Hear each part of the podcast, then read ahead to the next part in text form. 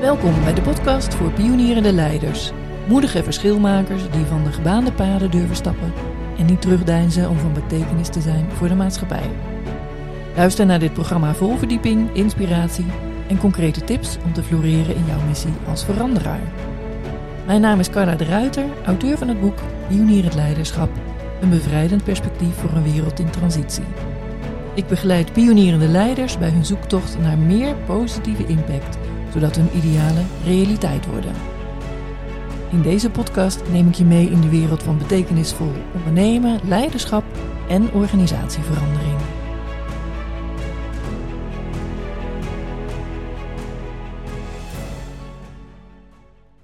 Welkom bij deze nieuwe podcast. Vandaag heb ik een hele speciale gast, Sanne Vis. En Sanne Vis is redacteur bij Pen en Inkt, haar eigen onderneming. En we gaan het vandaag hebben over die stap naar betekenisvol ondernemen.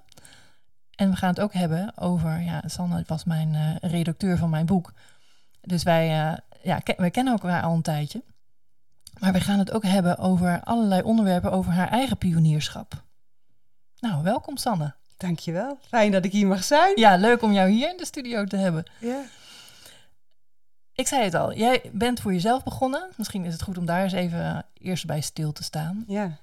Hoe is dat voor jou geweest en van waar heb jij de overstap gemaakt? Ja, dat is uh, inmiddels bijna drie jaar geleden alweer. En uh, ik werkte bij Boekengilde en daar had ik uh, eigenlijk een ongelooflijk leuke baan. Een fijne werkgever, fijne collega's, heel veel vrijheid. en toch heb ik die stap genomen om voor mezelf te beginnen. En dat voelde als een gigantisch grote stap, moet ik eerlijk zeggen. Want het was natuurlijk een moment van uh, loslaten, van loslaten van veiligheid. Um, uh, en ik denk nou wel eens terug dat ik denk dat ik dat, uh, dat, ik dat durfde. dat, ik dat, dat, ik, dat ik dat daadwerkelijk heb gedaan. Ja. ja en, maar tot op de dag van vandaag geen moment spijt van gehad heel erg mijn gevoel daarin ook gevolgd. Ja, en je bent heel succesvol in je werk ook, hè? Ja, gelukkig wel. Ja. En dat, uh, uh, ja, en wat de definieer succes dan? Hè? Kijk, waar, waar mijn angsten uh, van tevoren op zaten, dat was, ook, dat was ook wel de financiële zekerheid. Gaat het mij lukken om genoeg klanten te krijgen? Eigenlijk, heel, eigenlijk een, denk ik, een angst die heel veel beginnende ondernemers hebben. en um, maar ik voelde me er ook wel klaar voor om, om, de, uh, om daarvoor te gaan. Ik kende de markt ook wel heel goed. Dus dat scheelde misschien ook wel. Ik had ook wel genoeg contacten uh, die ik nodig had om aan werk te komen. Um, maar succesvol in de zin dat mijn agenda eigenlijk uh, tot op de dag van vandaag gevuld is. En ik steeds meer ook het werk doe wat ik graag wil. Ja. Wat mooi dat dat ook zo dan goed uitgepakt heeft. Hè? Want er zijn natuurlijk ook veel ondernemers die beginnen voor zichzelf en daar lukt het niet mee. Ja. Heb jij enig idee waarom het jou wel gelukt is? Ik denk dat ik wel, um, of ik weet dat ik vanaf het begin uh, he hele duidelijke doelen voor mezelf heb gezet. Kijk, voor, voor mij was, uh, gek genoeg ben ik als ondernemer niet gefocust uh, op het financiële succes. Dat is niet wat mij drijft toch was dat wel voor mij uh, een van de pijlers waarvan ik kon zeggen, ben ik, dat, uh, doe ik het goed genoeg? Uh, en omdat ik daarin rust wilde hebben. Dus wat ik vooral, nou, denk ik, de eerste anderhalf jaar was mijn doel vol zitten. Want als ik vol zat, dan verdiende ik genoeg om een comfortabel leven te leiden. En op eigen benen te staan in het huwelijk wat ik heb, vind ik, is voor mij heel belangrijk. Dus ik heb ook klussen aangenomen die niet mijn voorkeur hebben. Maar dat paste wel bij mijn doel vol zitten. En, uh, en na die anderhalf jaar, toen ik merkte, hey, oh wacht even, dit gaat heel uh, goed. En, uh, en ik kan ver vooruit kijken in de, in de goed gevulde agenda. Toen ben ik, me, ben ik gaan nadenken, oké, maar ik heb de agenda vol, maar ik doe niet altijd exact het werk waar ik gelukkig van word, waar ik van droom. En wat is dat dan? En, uh, en toen ben ik dus uh, wat kritischer geworden op, maar wat trek ik dan aan? Uh, ik, en dat betekent niet dat ik nee zeg, want dat doe ik niet zo graag. Maar ik geef dan de auteur wel terug wanneer mag, ben je er klaar voor om bij mij te komen. Ja. dus dat. En er zijn wel wat genres waar ik afscheid van heb genomen. Een boek over uh, bitcoins ga ik niet meer doen. Okay. heb ik gedaan. vond, ik een, uh, vond ik een taaie klus. Past gewoon niet bij mij. Dus ben ik ook niet de ideale redacteur. En wat, wat voor soort boeken uh, vind je nou juist wel dan bij jou passen? Nou, waar, waar, um, waar mijn hart sneller van gaat kloppen... is boeken die dicht bij het levensverhaal van de auteur liggen. En vaak zijn dat autobiografieën. Um, of waar, ja, waar, waar echt een groot persoonlijk deel van de auteur bij in zit. En dat vind ik mooi, omdat bij dat type auteur vaak um, uh, de, de groei van eh, in het redactieproces en ook wel de, fase daarna, dus het maakproces van het boek, de groei van, hey, dit was mijn verhaal, dat heb ik lang aan geschreven en nu ben ik er klaar voor om het los te laten. Ja, die is daar heel mooi zichtbaar. En ik merk dat ik daar ook uh, een grote bijdrage aan kan leveren. Dus dat is wel iets waar ik zelf wel heel gelukkig van word. En bovendien zijn het vaak verhalen van groei ook. Mensen die dingen meemaken en die daar dan toch een draai aan weten te geven. Mooi. Ja. ja.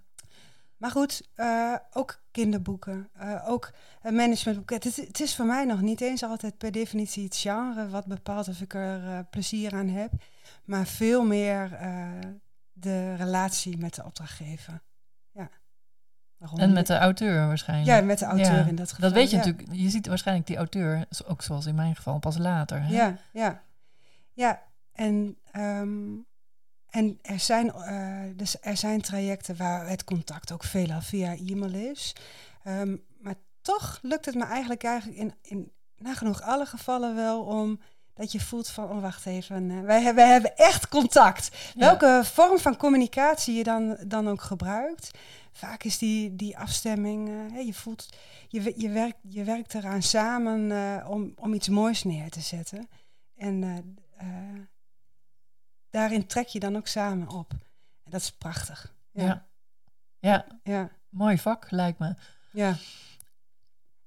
Um, wat ik, ja, ja, waar ik eigenlijk benieuwd naar was, is uh, welke dingen kom je nou tegen in het ondernemerschap waarvan je denkt, nou, laat dat maar weg? Um, Uh, voor, mij, uh, ik, ik verkeer in de luxe positie dat ik dus geen zorgen heb over uh, werk en dus niet actief acquisitie hoef te plegen. en ik zeg niet actief.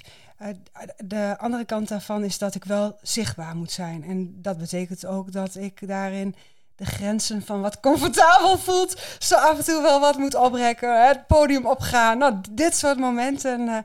maar dat, dat hoeft uh, wat mij betreft niet weg te gaan. Want dat is een angst die ik dan maar weer onder de arm neem en uh, het dan dus wel gewoon doe.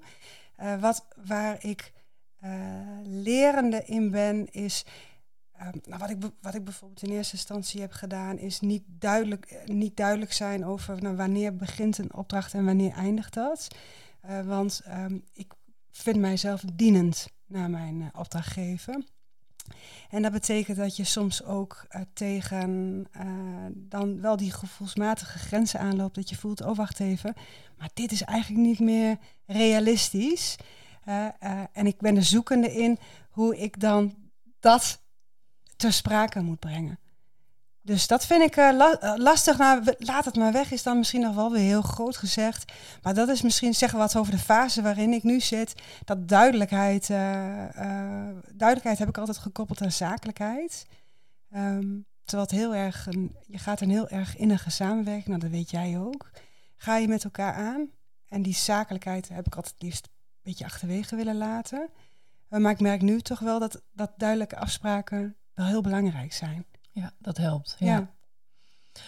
ja. wat ik eigenlijk heel interessant vond in het traject dat wij met elkaar hadden. Jij redigeerde mijn boek vorig jaar. En um, door het lezen van mijn boek kwam je er eigenlijk achter van... oh, ik ben eigenlijk ook een pionier, maar daar heb ik nooit bij stilgestaan. En dat ja. vond ik zo leuk dat je dat teruggaf. Ja. Kan je daar wat over vertellen? Ja, want ik, ik eh, ben heel erg onder de indruk van jouw boek, zoals je weet. Dank je. En, en ik vroeg jou toen, eh, eh, we waren over doelgroepen aan het praten. En ik vroeg je, en ik zei tegen jou van, ja, maar ben ik dan wel jouw doelgroep? Ja, ik dur- durfde dat eigenlijk ook niet echt hardop uit te spreken. En dat was ook wel in mijn, het beeld dat ik had van een pionier. En voor mijn gevoel is het, heeft daar altijd iets groots omheen gehangen. Terwijl eh, pionieren doe je juist denk ik ook heel erg in het klein. In hoe je met anderen omgaat. ehm, in hoe je je gevoel volgt terwijl een ander eh, daarin andere keuzes maakt. Maar doordat je er zo van overtuigd bent dat je het op je eigen manier moet doen, doe je het ook op je eigen manier. Dat is ook om terug te komen op jouw intro, denk ik, de reden dat ik voor mezelf ben begonnen. Is dat ik puur enkel op mijn eigen gevoel en ideeën wilde varen. Los van dat het de ideeën en de eh, intenties en het gedrag van een ander prima was hoor. Maar, ehm, eh, en het was zo'n mooi moment inderdaad dat je zei van ja, maar jij bent wel mijn doelgroep. Dat ik dacht, oh ja, wat, ja ben ik dan een pionier? Ben ik, ik weet, eh, wat ik niet ben, is iemand die de gebaande paden volgt. Ja. Dus ja, en dat is het hem. Hè? Kijk, wat Ja. is dan precies een pionier? Wat is de definitie Ja. daarvan? Nou, hoe ik het zie, is dat er natuurlijk een heleboel ondernemers zoals jij zijn, die betekenisvol willen werken. Ja, En op die manier de sprong wagen om iets te gaan doen wat ze nog nooit eerder hebben gedaan. Dus Ja. in die zin heb jij je daar wat dat betreft helemaal in herkend. Ja. Want die sprong is, dat is nogal wat. Want het kan ook, hè, je neemt een risico. Ja. Ik weet nog, toen ik eh, ondernemer ging worden, 15 jaar geleden, toen eh, werkte ik eh, ergens en verdiende ik, had ik een prima salaris. En een collega zei, nou je bent gek, want je weet, je springt echt in het diepe. En nou nee, wij blijven hier lekker zitten hoor. Eh, en de, de- vervolgens bleven ze er eh, 25 jaar lang of zo. Hè? Ja. Dus nou ben ik daar geen type voor en jij volgens mij ook niet om ergens heel lang te blijven. nee, En ik heb nooit spijt van mijn stap. Nee. Hoe ingewikkeld het soms ook kan zijn, want het is niet altijd roze geur en maneschijn. nee. Maar ja, ik vind het altijd heel erg boeiend dat mensen toch die stap wagen. Ja, ja en ik, ik ook. Eh, want ik weet nu eh, hoeveel angsten daarbij komen kijken. Nou, dat beschrijf jij dan eigenlijk ook wel, die, die, eh, die, die onzekerheden. Ehm, en ik heb mij ook wel, ehm, want ik, ik heb mij wel verbaasd ook over de reacties die je van je omgeving daarin krijgt. Dat het toch heel vaak wel gevuld is met angst. Dat je Ja. durft. Ja. Ik zou het nooit durven. Ik zou het wel willen, maar ik zou het nooit durven. En ook wel dat ik wel eens de opmerking hoorde: Oh ja, maar jij durft ook alles, hè? dat ik dacht van. En, en dan niet wetende dat ik bijvoorbeeld na, eh, nadat ik mijn fijne baan had opgezegd, die week daarna dusdanig angstaanval had, dat ik nog op de afdeling cardiologie lag ook nog. Oh, echt waar? puur, pure, pure angst. Wauw. En, en, eh, eh, en, dus ik, de, en soms leg ik dat dus uit en soms niet. Nee, wat ik wel doe, is die angst op de, op de koop toenemen. Maar waar gaat die angst dan over? Ja, die angst was hem, was, zat hem bij mij, ehm, ja, toch die zekerheden. Ja, o- mij is ook wel geleerd, eh, je moet, hebt een vaste baan nodig. Zorg dat je zo snel mogelijk een vaste baan krijgt. krijgt want je hebt een hypotheek en die moet betaald worden. En, en, eh, en daarbij heb ik zelf heel erg, wat ik net ook zei, van ik ben getrouwd, gelukkig getrouwd. Maar ik heb zelf wel heel erg de drang om eh, zelfstandig te zijn, op eigen benen te staan. Eh, zodat ik ook in een huwelijk zit waar ik voor kies. Dus ik wil altijd een keuze hebben. Ja, dat klinkt misschien een beetje hard. en helemaal in een, in, een roos, in een goede situatie denk je daar misschien niet over na. Maar ik heb toch altijd wel zelf de drang om zelfstandig te zijn. Eh, en gaat me dat lukken als zelfstandige? Dat was dan eh, financieel, hè? Het is eigenlijk puur financieel. Ben ik in Ja. staat om al die verplichtingen die ik in mijn leven ben aangegaan en de dingen waar ik aan gewend ben geraakt, om daar, eh, durf ik daar een onzekere factor aan toe te voegen? Ja, ja absoluut dapper. Hoe, en binnen een tijdbestek van hoe lang was het succesvol? Gelijk, Meteen, ja. dag één. En sterker nog, ik had in die, in die, in die ik had nog eh, kerstvakantie, want ik ben vanaf 1 januari begonnen en ik moest in de kerstvakantie al beginnen. Zo, Ja, ja. Dat is echt bizar. Nou, wat dat betreft vind ik dat ook leuk. Dat steunt altijd mijn theorie en ook mijn ervaring dat het vanaf dag één kan lukken. Ik roep altijd van, nou, je hebt in, in principe met drie maanden kan je ook eh, af dat je weet, nou, binnen drie maanden kan een nieuwe onderneming gewoon echt goed lopen. Ja, En dat, druist, dat druist alleen al die opvatting in tegen het geëikte beeld wat er is van ondernemen. Hè? Want er wordt vaak gezegd, nee, ah, meestal twee jaar voor je echt een beetje, Ja. eh, hè, voor je er goed aan verdie- verdient, Ja. voordat oké is, voor je ervan kunt leven. Ja. ja, dat is mij ook gezegd. Eh, en eh, ehm, en het is, het is, het is niet, niet om eh de stoer over te doen, maar ik ben er wel heel trots op. Wat, wat ik net zei, van mijn doel was vol zitten en dat zit ik vanaf dag één tot de dag van vandaag. Eh, dus dus ik heb nooit gaatjes gehad. En ik, en ik geloof ook wel, ehm, eh, eh, ik geloof heel erg in manifest- manifesteren. Hè, dat, je, dat, je de, dat je de juiste dingen ook tegen jezelf zegt in je, in je hoofd. Ik heb, ik heb best wel wat momenten gehad dat ik dacht van, oh, eh, bijv- bijvoorbeeld, ik, ik ben in coronatijd begonnen. En toen in coronatijd hebben heel veel mensen geschreven. Er was echt een, een, eh, een, een piek. En op een gegeven moment, eh, in het tweede jaar, kon ik wat minder ver vooruit kijken. En zat ik in het eerste jaar stel, telkens wat drie maanden vooruit vol. In het tweede jaar werd het anderhalve maand. Toen dacht ik, oh, wat, wat, is er aan de hand? Is dat aan het veranderen? Maar ik heb echt best wel op veel momenten gezegd van, nou, en nu, ik sta weer open voor klussen. Eh, eh, kom maar op. Hè? En dat- zo ook tegen mezelf gezegd. Echt geprobeerd de angst weg te halen bij eh, nou ja, die lege pagina's in je agenda. En dat is, dat is mij gewoon weg gelukt. Dus dat niet vanuit angst benaderen, maar echt vanuit overvloed. Ik vertrouw erop dat het komt. En elke keer weer. Ik heb een man naast me die is heel nuchter. En ik zeg dat dan ik expres tegen hem. Van, ik, ik, hij weet ook dat ik dat expres doe. En elke keer weer is het ook voor mij kicken als ik hem kan vertellen. Ja, weer een nieuwe opdracht. Ja, weer een nieuwe opdracht. Het werkt gewoon echt. Ja, Want geloof je er zelf in? Dat, he, dat heeft voor mij ook niks te maken met hele, heel veel zweverigheid. Maar geloof je er zelf in? Daar gaat het ook. Wat maak jij jezelf wijs? En dat is ook rondom het beginnen als ZZP'er of eh, bedrijf opstarten. Wat maak je jezelf daarin wijs? en je doet natuurlijk ook iets wat en waar, en waar je sowieso heel erg goed in bent. Dankjewel. En waar je, ja, waar je ook heel veel lol in hebt. Ja. Ja.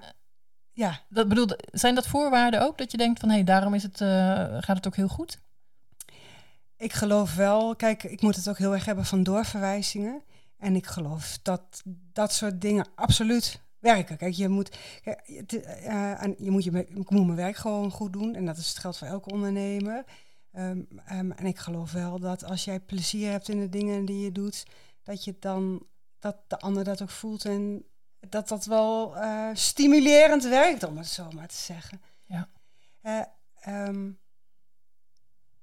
kijk, het mooie vind ik aan het vak van redacteur is dat je met heel veel verschillende mensen werkt.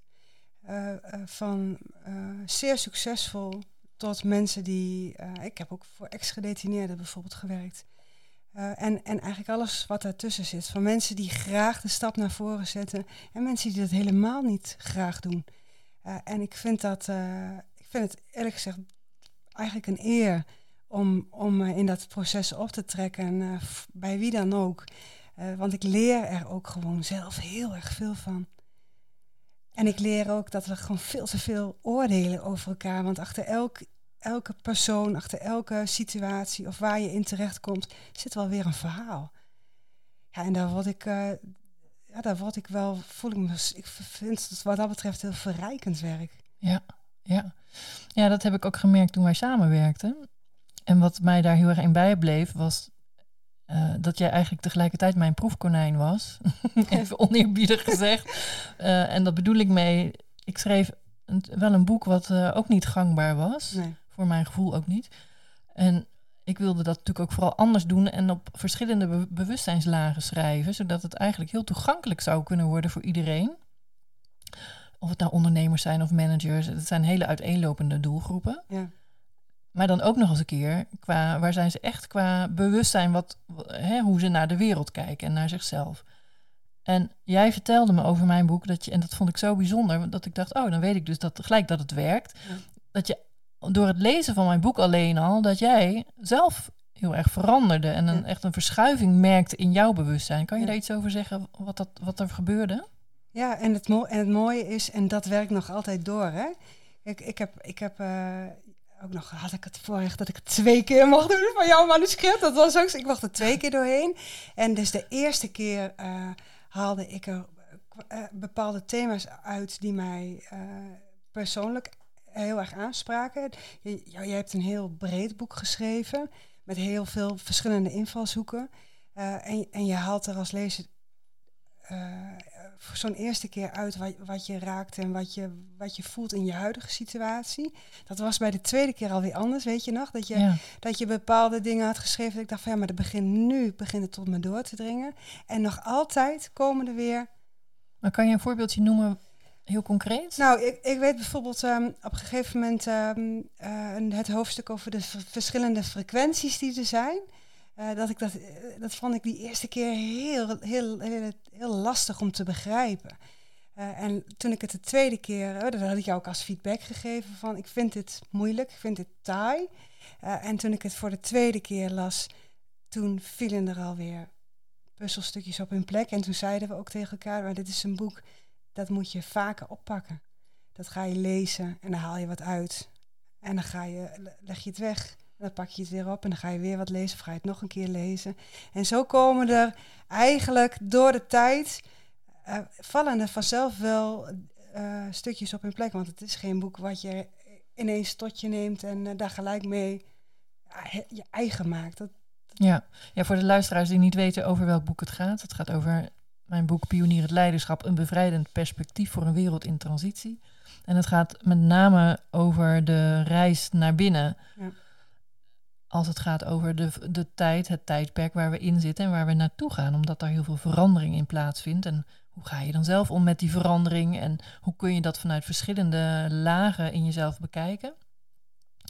En daar heb ik heel veel, ja, en theorieën, maar ook praktijkvoorbeelden in uh, naar voren gebracht. Maar ook interviews met een aantal mensen. En wat ik grappig vond, jij zei net aan de keukentafel, uh, door het lezen van je boek ben ik anders gaan stemmen. Kan je daar iets over zeggen? Dan moet ik vertellen wie deze... gestemd heb. Nee dat, hoef, dat hoef je niet te vertellen. Maar in deze tijd van bijna weer moet het stemmen. Nou, kijk, ik... ik um, uh, het, het boek heeft mij wel doen laten nadenken. Maar wat vind, wat vind ik nou eigenlijk echt belangrijk? Um, en... Uh, uh, en je, je, je gaat misschien wel wat verder kijken dan je neus lang is. En daar heb ik inderdaad mijn stemgedrag ook op, op aangepast. Al vind ik dat ook heel ingewikkeld in de huidige tijd hoor. Ja. Dus uh, en een partijprogramma zijn er nog wat taai kost om door te lezen, wat dat betreft. Hè? Ja. Dus maar goed, kijk, weet ik wat, wat ik wel mooi vond, dat jij zei net van um, de reis naar binnen. En, en uh, uh, er zijn heel veel boeken waarin de lezer de reis naar binnen gaat maken. En het gevoel wat ik juist bij jouw boek had, was, hé, maar het draait helemaal niet om mij. Uh, uh, en dat was en dat klinkt, uh, dat kun je op verschillende manieren interpreteren, maar voor mij was het een soort opluchting. Want alle, alle struggles die ik heb, de gedachten die ik heb, de, dat zijn gedachten die we eigenlijk bijna allemaal wel hebben. en de, de, de, de, de goeroes, de mensen die naar buiten treden met bepaalde boeken, zitten natuurlijk heel veel gemene delers in. En jouw boek heeft mij geleerd, uh, het is de, de ontwikkeling die wij als mensheid aan het doormaken zijn. Uh, en het, ik, het, voelde voor mij, dat voelde voor mij heel aangenaam. Ja, en dat is ook, ja, ik, ik ben echt heel blij dat je dat, dat, dat, dat geraakt heeft, dat punt. Want dat is ook de bevrijding. Ja. we kunnen nog uh, zoveel therapieën of wat dan ook op, op, onszelf loslaten. Maar mijn theorie is ook dat dat too much is. Dat het echt te veel is. Eh, dat we te veel met onszelf bezig zijn en dat we ook altijd daardoor uitgaan van een probleem. Want je gaat naar een therapie of een, je leest een zelfhulpboek om er zelf beter van te worden. En omdat je niet tevreden bent over de huidige situatie. Dus je bent niet tevreden over jezelf. Ja. Terwijl als je het anders opvat, hè, dat het niet over jou gaat en dat je in gaat zien op welke vlakken je uh, onnodig dwangmatig met jezelf bezig bent, dan bevrijdt dat al. Dus bevrijding is in mijn boek het uitgangspunt in plaats van het einddoel. Ja. En dan komt er dus nog een heleboel. Ja. Wat je daarna of kunt ontdekken of leren, maar vanuit die veel grotere basis. Ja. Ja, en, dat, en dit hebben wij nooit naar elkaar toe zo benoemd. Nee. En het kwam, eh, we, we hadden het er net over, dat is, dat is ja, bevrijding is, is denk ik het, het woord wat het beste omschrijft uh, hoe ik het voel.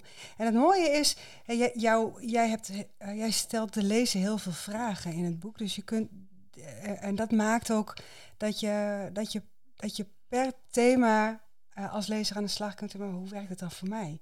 En wat betekent het dan voor mij? En waar sta ik dan? Waar sta ik dan eigenlijk als individu? Want we zijn natuurlijk op onszelf gericht, op onze eigen ontwikkeling. En, en we, we willen af van dingen die ons niet dienen. Um, maar um, dat is heel wat prettiger als je weet dat het, dat het dus iets is waar we eigenlijk alle, een ontwikkeling die we allemaal doormaken. Ja, en, en ik, ken in deze, ik ken in deze tijd weinig mensen die echt tevreden zijn met de wereld van nu. Ja. Of dat nou in het klein is of in het groot. En er is een grote groep mensen, als het ondernemers zijn of leidinggevende of wat dan ook, die zijn juist bezig om ja, meer daar vorm aan te geven van hoe willen we die wereld dan wel. Daar is ook zeker mijn boek voor bedoeld. Maar het is natuurlijk ook voor eigenlijk ja, iedereen. Iedereen, iedereen heeft er iets aan. Want ik, ik ben ervan overtuigd dat we allemaal gaan ontdekken dat leiderschap iets is wat ons allemaal aangaat. Niet alleen die managers in een kantoortje ergens. Ja. Nee, maar dat, dat en dat is, dat is eh, de, invulling die wij zijn gaan geven aan bepaalde, aan bepaalde termen. En, en eh, eh, het, het leiderschap inderdaad associëren met de mensen die binnen het bedrijfsleven eh, leiding geven of binnen organisaties. Maar hoe geldt het voor jezelf? En hoe geef jij leiding aan jouw eigen leven? En hoe, hoe ga je om met de, mensen, met de mensen om je heen? Ja, uiteindelijk draait het daar, denk ik, om. Ja, zeker. Het draait om andere dingen dan om jezelf. Je bent daar onderdeel van. Ja, Maar dat is dan ook een hele mooie conclusie. Oh, fijn dat je dat eh, hebt eh, genoemd ook daarin. Heb jij het idee als ondernemer dat je nog door kunt groeien? Zullen we eens kijken naar jouw uitslagen van de test? lijkt me goed. Want jij hebt zoals elke gast eh, mijn pionierstest gedaan. ja, Die kan je ook online vinden en dat kan iedereen doen op www.pionierendleiderschap.nl slash pionierstest. Dan krijg je eh, inzage in de 21 kenmerken van een pionierend leider. De pionierstest. Hoe scoor jij de 21 kenmerken van een pionierend leider?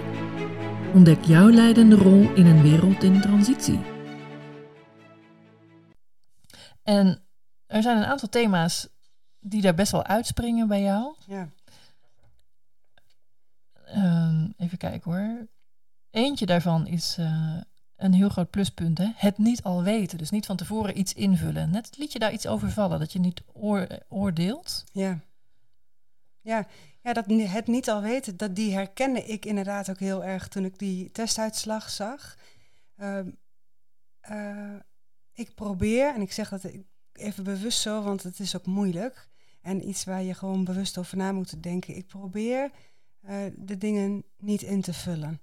Eh, en ehm, zonder oordeel naar dingen te kijken. En vind je dan nooit eens wat van situaties of van mensen? Of, eh, tuurlijk wel. Eh, maar maar ehm, ik, ik, ik, probeer, ik probeer daar heel open in te staan. Ik zeg altijd, ik hoop dat ik ook de vriendin ben voor mijn vrienden. Dat als ze iets heel slechts doen, dat ze het als eerste bij mij komen. Want ik vind oordelen, voor, voor, voor mijn gevoel is dat de bron van heel veel kwaad eh, in de wereld. Maar het niet al weten sluit, slaat bij mij als ondernemer ook wel heel erg op. eh, het doen zonder dat ik precies weet hoe en wat. Ik, ik, ik zie ook wel, en dat is ook, bij, ook bijvoorbeeld bij mijn, mijn opdrachtgevers, dat er ehm, eh, vaak dingen niet worden gedaan omdat ze niet precies weten hoe het moet, of omdat ze denken dat een ander er beter in is. En daar, daar eh, heb ik geen, zelf geen last van. Dus ik, ik, ik gun mijzelf ook leertijd op bepaalde vlakken. Eh, dat, dat woord gebruik ik ook naar mijn, mijn klanten heel veel, naar auteurs. Gun jezelf leertijd om je iets eh, eigen te maken. En dat doe je alleen maar door te doen. Dus stappen te zetten, uit te proberen, ehm, zonder dat je precies weet hoe en wat. Ja. En dat is heerlijk. Ja, mooi. Ja. Nou, wat jou ook verder goed afgaat, is medescheppend uh, zijn. En met medescheppend bedoelen we dat je mede-creator bent. Dat is natuurlijk in jouw vak heel belangrijk. Ja. Ja, dat vind ik ook he uh, het hele heerlijke aan mijn vak. Want het is ook heel resultaatgericht. Hè. Er komen telkens weer mooie boeken uh, verschijnen. En, en dat moment dat, dat, dat ik ze dan in handen krijg.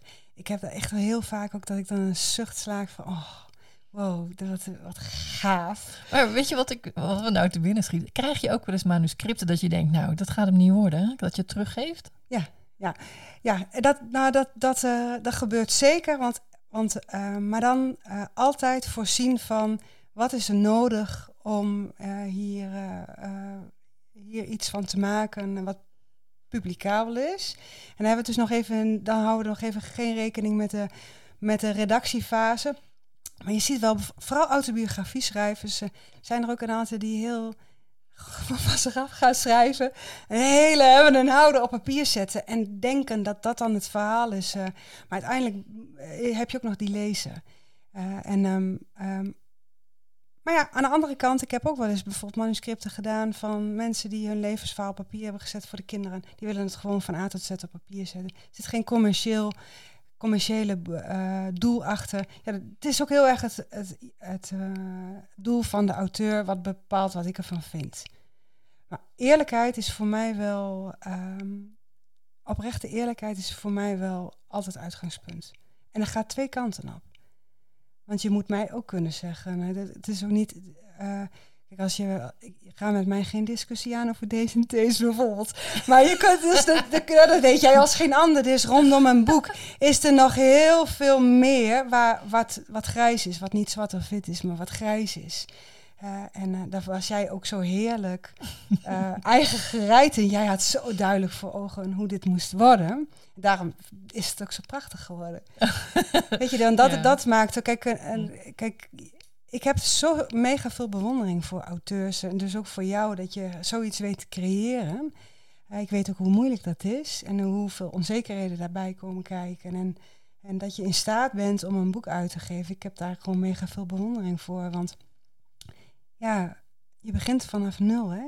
Ja, je begint vanaf nul. En ook ben ik heel erg gaan waarderen dat je een boek niet alleen schrijft. Hè? Dus da daarin was onze samenwerking belangrijk. Maar ook de samenwerking met, sowieso met de uitgever ja. en met de mensen, de, de illustrator. En de, nou, er zijn natuurlijk eigenlijk veel meer mensen bij betrokken dan ik me had gerealiseerd toen ik ja. begon met schrijven. Nou kan je die allemaal wel weglaten, maar ja, en dat zie je ook wel steeds meer gebeuren, want er worden enorm veel boeken momenteel uitgegeven en veel in eigen beheer. Ja. Ik heb even geen idee van getallen. Ik heb het laatst gehoord, maar ik ben het weer kwijt. Maar het was zoveel meer dan ik had gedacht hoeveel er per jaar uitgegeven zou worden. Heb jij daar een idee van? Ik heb geen uh, cijfers paraat, maar ik vind dat persoonlijk een hele positieve ontwikkeling. Want wat je ziet, toen ik bij Boekengilde begon, was ne negen jaar geleden. Boekengilde is echt altijd een zelf een self-publishing dienstverlener geweest. Maar destijds, dus zeg maar acht, negen jaar geleden, was de zelf de zelf-uitgevers, dat waren de mensen die geen uitgeverij konden vinden. En die, toen was het, het zelf uitgegeven boek ook niet heel veel meer dan uh, de tekst in boekvorm, om het zo maar te zeggen. Hè? Kafje eromheen. Uh, en uh, nou, dat, dan, had je, dan had je een boek. Kon niet concurreren met boeken van de uitgeverij. En, het, terwijl dat niveau van boeken natuurlijk wel is wat wij als lezer gewend zijn. Hè? Wij, wij verwachten op zijn minst dat er een correctieslag heeft plaatsgevonden. En wij verwachten fatsoenlijke opmaak en druk. We kennen het niet anders. Dus dat is een basis. en je ziet wel dat in de afgelopen jaar, jaren steeds meer uh, dat belang. Zelf uitgegeven boeken zijn al lang niet meer die, die uh, afdanketjes van de uitgeverijen, maar juist steeds meer een bewuste keuze. Van mensen die ongepolijst hun, verhaal willen vertellen, uh, die, waarbij de verkoopcijfers niet leidend zijn bij het creëren van dat boek. die graag hun stem willen horen, of dat nou mag of niet. Ja, daar word ik heel gelukkig van. Want als je, daar, als je daar van een afstandje naar bekijkt, hè, de uitgeverijen bepalen. Er lopen een, een, uh, lopen een boekhandel in en je ziet eigenlijk 99% van de boeken die daar liggen zijn hetzelfde. Of je nou naar de Bruna gaat of naar de plaatselijke boekhandel, is eigenlijk praktisch altijd hetzelfde. Soms heb je wel wat leuke boekhandelaren met een specifieke insteek, maar nagenoeg overal liggen dezelfde boeken.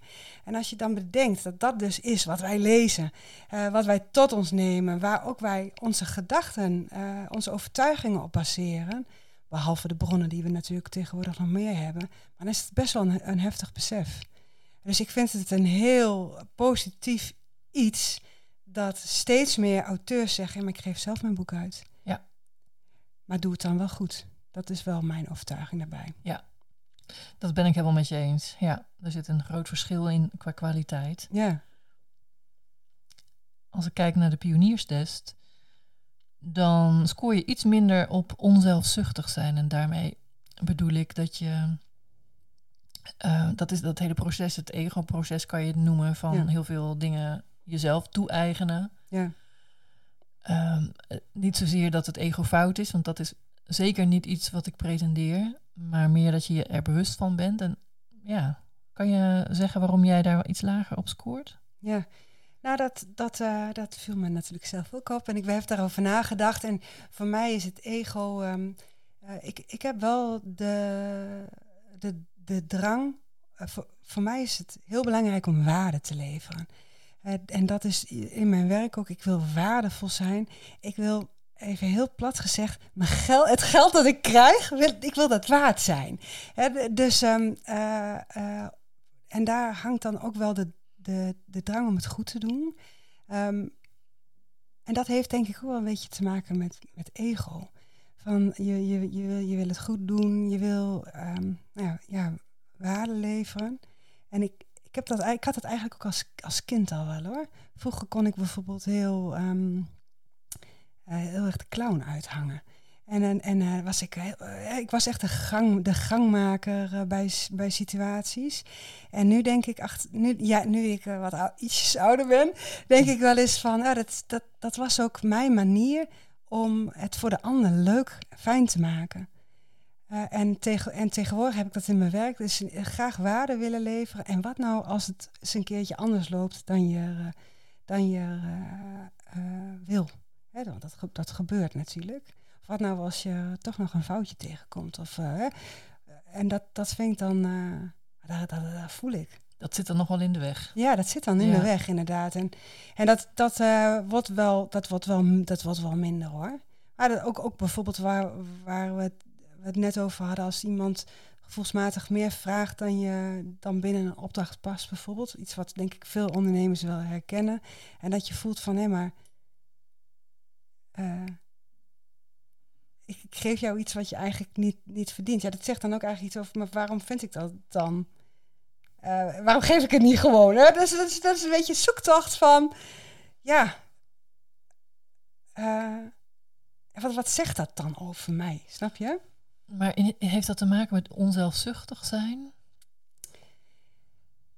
Ja, dat weet ik niet. Kijk, um, uh, ik, wat ik net uh, in het begin zei, van voor mij uh, is, is geld geen grote drijfveer. Toen bijvoorbeeld, hè, dan gaan de prijzen gaan omhoog. En dan zegt mijn man, moet jij niet ook even de prijzen omhoog doen? Ja. Van iedereen doet het, je moet, alles wordt duurder, hè? Hup, prijs omhoog. En dat zeg ik, hebben, ja, hebben wij zorgen dan? Nee, hebben we niet. Ja, ik zie dat niet. Ik voel het niet. Ik heb een goed gevoel bij mijn prijzen. Um, waarom, waar, waar wilde ik naartoe hiermee? Dus, um, over on, is dat onzelfzuchtig hadden we het over? Ja, dus, nou, oh, dus, ja. dus dat is mooi. Ja, um, maar tegelijkertijd um, altijd maar uh, dienen, de ander willen dienen, dan dien je ook weer je, jezelf niet mee. Dus je zult ook. Daar moet wel een balans tussen zitten. Ja. ja, dat ben ik helemaal met je eens. Maar het is wel mooi als je je daar want wat ik jou hoor zeggen over dat verhaal van die prijzen omhoog, dat vind ik wel een hele mooie illustratie. Je kunt meegaan met de, de ratrace. Hè, want we leven in een consumptiemaatschappij waarvan je ja, nu eigenlijk wel weet van ja, dat heeft de langste tijd gehad. Ja. Moet je daarin meedoen. En je kiest eigenlijk bewust vanuit jouw waarden in het leven en als ondernemer. Nou, misschien past dat helemaal niet zo. Nee. Is het nodig? Nee, nou dan laat ik het zo. Ja. En dat voelt voor mij goed. Ja. Dus dat vraagt ook. Hè, dus dat is zeker, denk ik, ook een hele mooie tip voor ondernemers die hiermee worstelen. Want ik denk dat er meer zijn. Ga je dat doen? Nou, kijk dan eerst naar. Hè, in mijn boek beschrijf ik bijvoorbeeld drie waarden die voor jou heel erg van levensbelang zijn. Ja. En die kun je in dit soort situaties daar heel mooi naast leggen. Is dat bijvoorbeeld, ik weet in jouw geval, is dat een van de waarden is integriteit. Ja.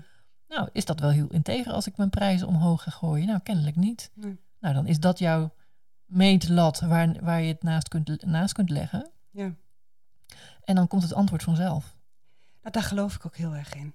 Kijk, eh, doen omdat iedereen het doet, is nooit voor mij eh, de manier eh, geweest. Dus dat, ja. Ja, lekker naast de gebaande paden lopen. Dat is toch altijd leuker, hè? Maakt het leven veel interessanter. Ja, en dat is ook het mooie aan ondernemen, hè? Kijk, en, en, je, eh, eh, en ergens zoek je ook als ondernemer, zoek je natuurlijk ook wel naar enige vorm van veiligheid voor jezelf. Dus eh, wat ik net ook zei, van, eh, de andere kant daarvan is dat je soms op zoek bent naar eh, tot waar eh, ga ik daar, dan daarmee door en moet ik dan misschien toch wel duidelijker zijn met bepaalde dingen. Ehm, ehm, maar dat is een zoek, zoektocht, een proces wordt wel steeds beter. En dat heb ik dus nu voor mezelf ook als doel gesteld. Hè? Ik vertelde net in het begin van eerste anderhalf jaar was het echt voor mij het doel vol zitten. Toen oké, aantrekken wat ik graag wil. En nou ook wel van oké, hoe ben ik duidelijker? En ik merk ook dat heel veel mensen dat fijn vinden. Bijvoorbeeld als je de fase na de redactie, ehm, vormgeving, drukfase, verkoopkanalen, marketing en dergelijke. Is ook iets. Ik, werk dus ook heel- voor heel veel self-publishers, maar ook wel voor wat uitgeverijen. En dat is ook iets waar je als redacteur heel mooi de auteur aan de hand kunt houden. Eh, en dat deed ik voor self-publishers heel vaak erbij. Eh, omdat ik dacht van, ik wil ze helpen. Ik heb heel erg de drang om die anderen te helpen, die anderen het makkelijker, eenvoudiger te maken. Dat is heel erg mijn drijfveer. Überhaupt, ook in vriendschap, ik wil altijd helderheid, e- eenvoud. Ik hou niet van complexiteit. Eh, en tegelijkertijd begreep ik op een gegeven moment, voelde ik van, hé, maar juist als ik tegen die klant zeg, ik ga jou helpen, het kost je zoveel, maar dan krijg je dit voor terug, vinden ze, vinden ze heel fijn. Want je hebt namelijk ook een hele grote groep die niet durft, als ze niet weten wat het precies kost, of als daar geen, die willen mij daar niet in storen. Ehm, dus die vinden dat heel fijn dat je daar duidelijke afspraken over maakt, want dan mogen ze. Ja, dat was zo'n eye-opener voor mij en dat geeft mij lucht, maar dat is voor de auteur ook heel fijn. Ja, ja. Heel duidelijk. Mooi. Ja, Een andere, die vertelde je mij, die fluisterde je mij al in, eh, in ons voorgesprekje. Jij zou meer willen dat je wat vrijer bent van de culturele conditioneringen, met een heel mooi woord. En Ja. die conditioneringen, die, daarmee bedoel ik dat ze gevormd zijn door onze cultuur. Dus we hebben heel veel overtuigingen in onszelf en heel veel gedragingen die helemaal niet meer van deze tijd zijn eigenlijk, maar die we nog steeds herhalen als een soort van gewoonte. Nou, Ja. Dat zie je in de verschillen tussen man en vrouw, maar dat zie je ook in hoe we met elkaar communiceren en hoe we met elkaar zijn. ja. Waarom zou jij daar meer los van willen zijn of vrijer in willen zijn? Ik denk dat ik er in mijn gedrag wel vrij van ben. Maar ik ben me heel erg bewust van wat die ander van mij verwacht. Eh, of hoe men het graag ziet. En, en eh, dus, dus eh, ik, ik doe het wel, maar ik voel dat die ander er eigenlijk andere verwachtingen bij heeft. En dat is, dat is of, en daardoor ga ik mij vaak verdedigen. Als je, als je bijvoorbeeld, eh, nou, neem nou dat voorbeeld van eh, mijn, mijn fijne, leuke baan opzeggen en voor mezelf beginnen. Zou je dat nou wel doen? Zekerheid. Maar hoe weet je zeker dat je genoeg... Dan heb ik het gevoel dat ik mij, mijzelf eh, moet verdedigen. Dat ik heb gekozen voor een onzekere factor in mijn bestaan. Want hè, waar we net ook over hadden, zekerheid. Want dat is zo belangrijk. Ja. Ja. Hè? Terwijl het helemaal niet... Dat is niet waar eh, de sprankeling eh, vaak zit. Hè? De Tenminste, voor mij zit de sprankeling heel erg in eh, doen waar ik ehm, energie steek in waar ik energie wil in wil steken. En oppakken wat ik wil oppakken. En dat, daar hoort dus ook een beetje onzekerheid bij. Ja. Ja. Ook weer helder. Mooi. Mooie illustraties van wat er uit die test komt. Nou, als je die test zelf ook wil doen om te kijken van nou, hoe sta ik daarvoor, ga dan naar de website. Ik zal de link nog even hieronder in de tekst voor je neerschrijven. En hetzelfde geldt ook voor de website van Sanne, die zal ik ook hieronder plaatsen. Dus wil je meer weten van Sanne, kan dat via die route. Sanne, heb jij nog een tip voor mensen die nu nog in loondienst zijn en waarvan jij zegt, nou, als je die stap wil wagen als eh, ondernemer. Nou, misschien heb je iets om ze nog even een zetje te geven, een laatste zetje. Ja, dat is een hele goede vraag. Die we niet hadden voorbereid. even goed nadenken. Nou, kijk, ik, ik, eh, eh, ik illustreer wel eens aan de hand van. ik geef wel eens lezingen op, op het podium. Maar dat vind ik echt mega spannend. Soms voor, voor volle zalen. En dat, dat, dat, dat, dat eh, wil ik graag, maar ik vind het wel heel spannend. En dan heb ik altijd van die briefjes in mijn handen waar, waarop staat wat ik, wat ik moet doen. En dat is eigenlijk een soort van mijn lifesaver. Eh, eh, zolang, ik, zolang ik die heb, durf ik het. Ik kijk er niet eens op, nooit. Ik maak er nooit gebruik van, maar zolang ik die in handen heb, doe ik het. Dus eigenlijk een bruggetje naar als jij ondernemer wil worden, onderzoek waar zit die angst dan precies? Of waar zit die belemmering om het dan daadwerkelijk te gaan doen? En ga onderzoeken of die angst echt is. Eh, en ehm, ik visualiseer angst al eigenlijk altijd als een grote plusje bal. Die ik onder mijn, eh, onder mijn oksel neem en meeneem. Want angst is natuurlijk ook... eh, kijk, ik had wel het voordeel als ondernemer dat ik bij mijn werkgever de markt heel goed kon onderzoeken. Dus ik wist wel waar ik aan begon. Maakte de stap misschien ook wel wat minder groot. Maar, maar die angst die blijft. En ehm, maak hem zacht. Eh, neem hem niet te serieus. Neem hem onder de arm mee. En, en kijk inderdaad van nou even...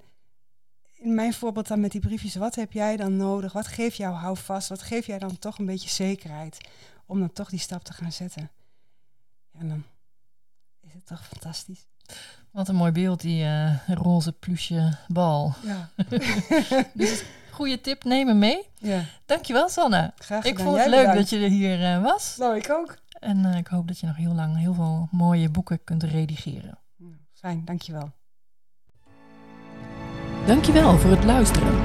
Wil je op de hoogte blijven en er geen aflevering missen? Abonneer je dan op deze podcast en laat een review achter. Heb je mijn boek Pionier het Leiderschap al gelezen? Het is een must voor pioniers, verschilmakers, veranderaars die oog hebben voor de toekomst. Je bestelt deze eenvoudig via pionierhetleiderschap.nl. Op deze website vind je allerlei mogelijkheden om met Pionier het Leiderschap aan de slag te gaan. Tot een volgende keer.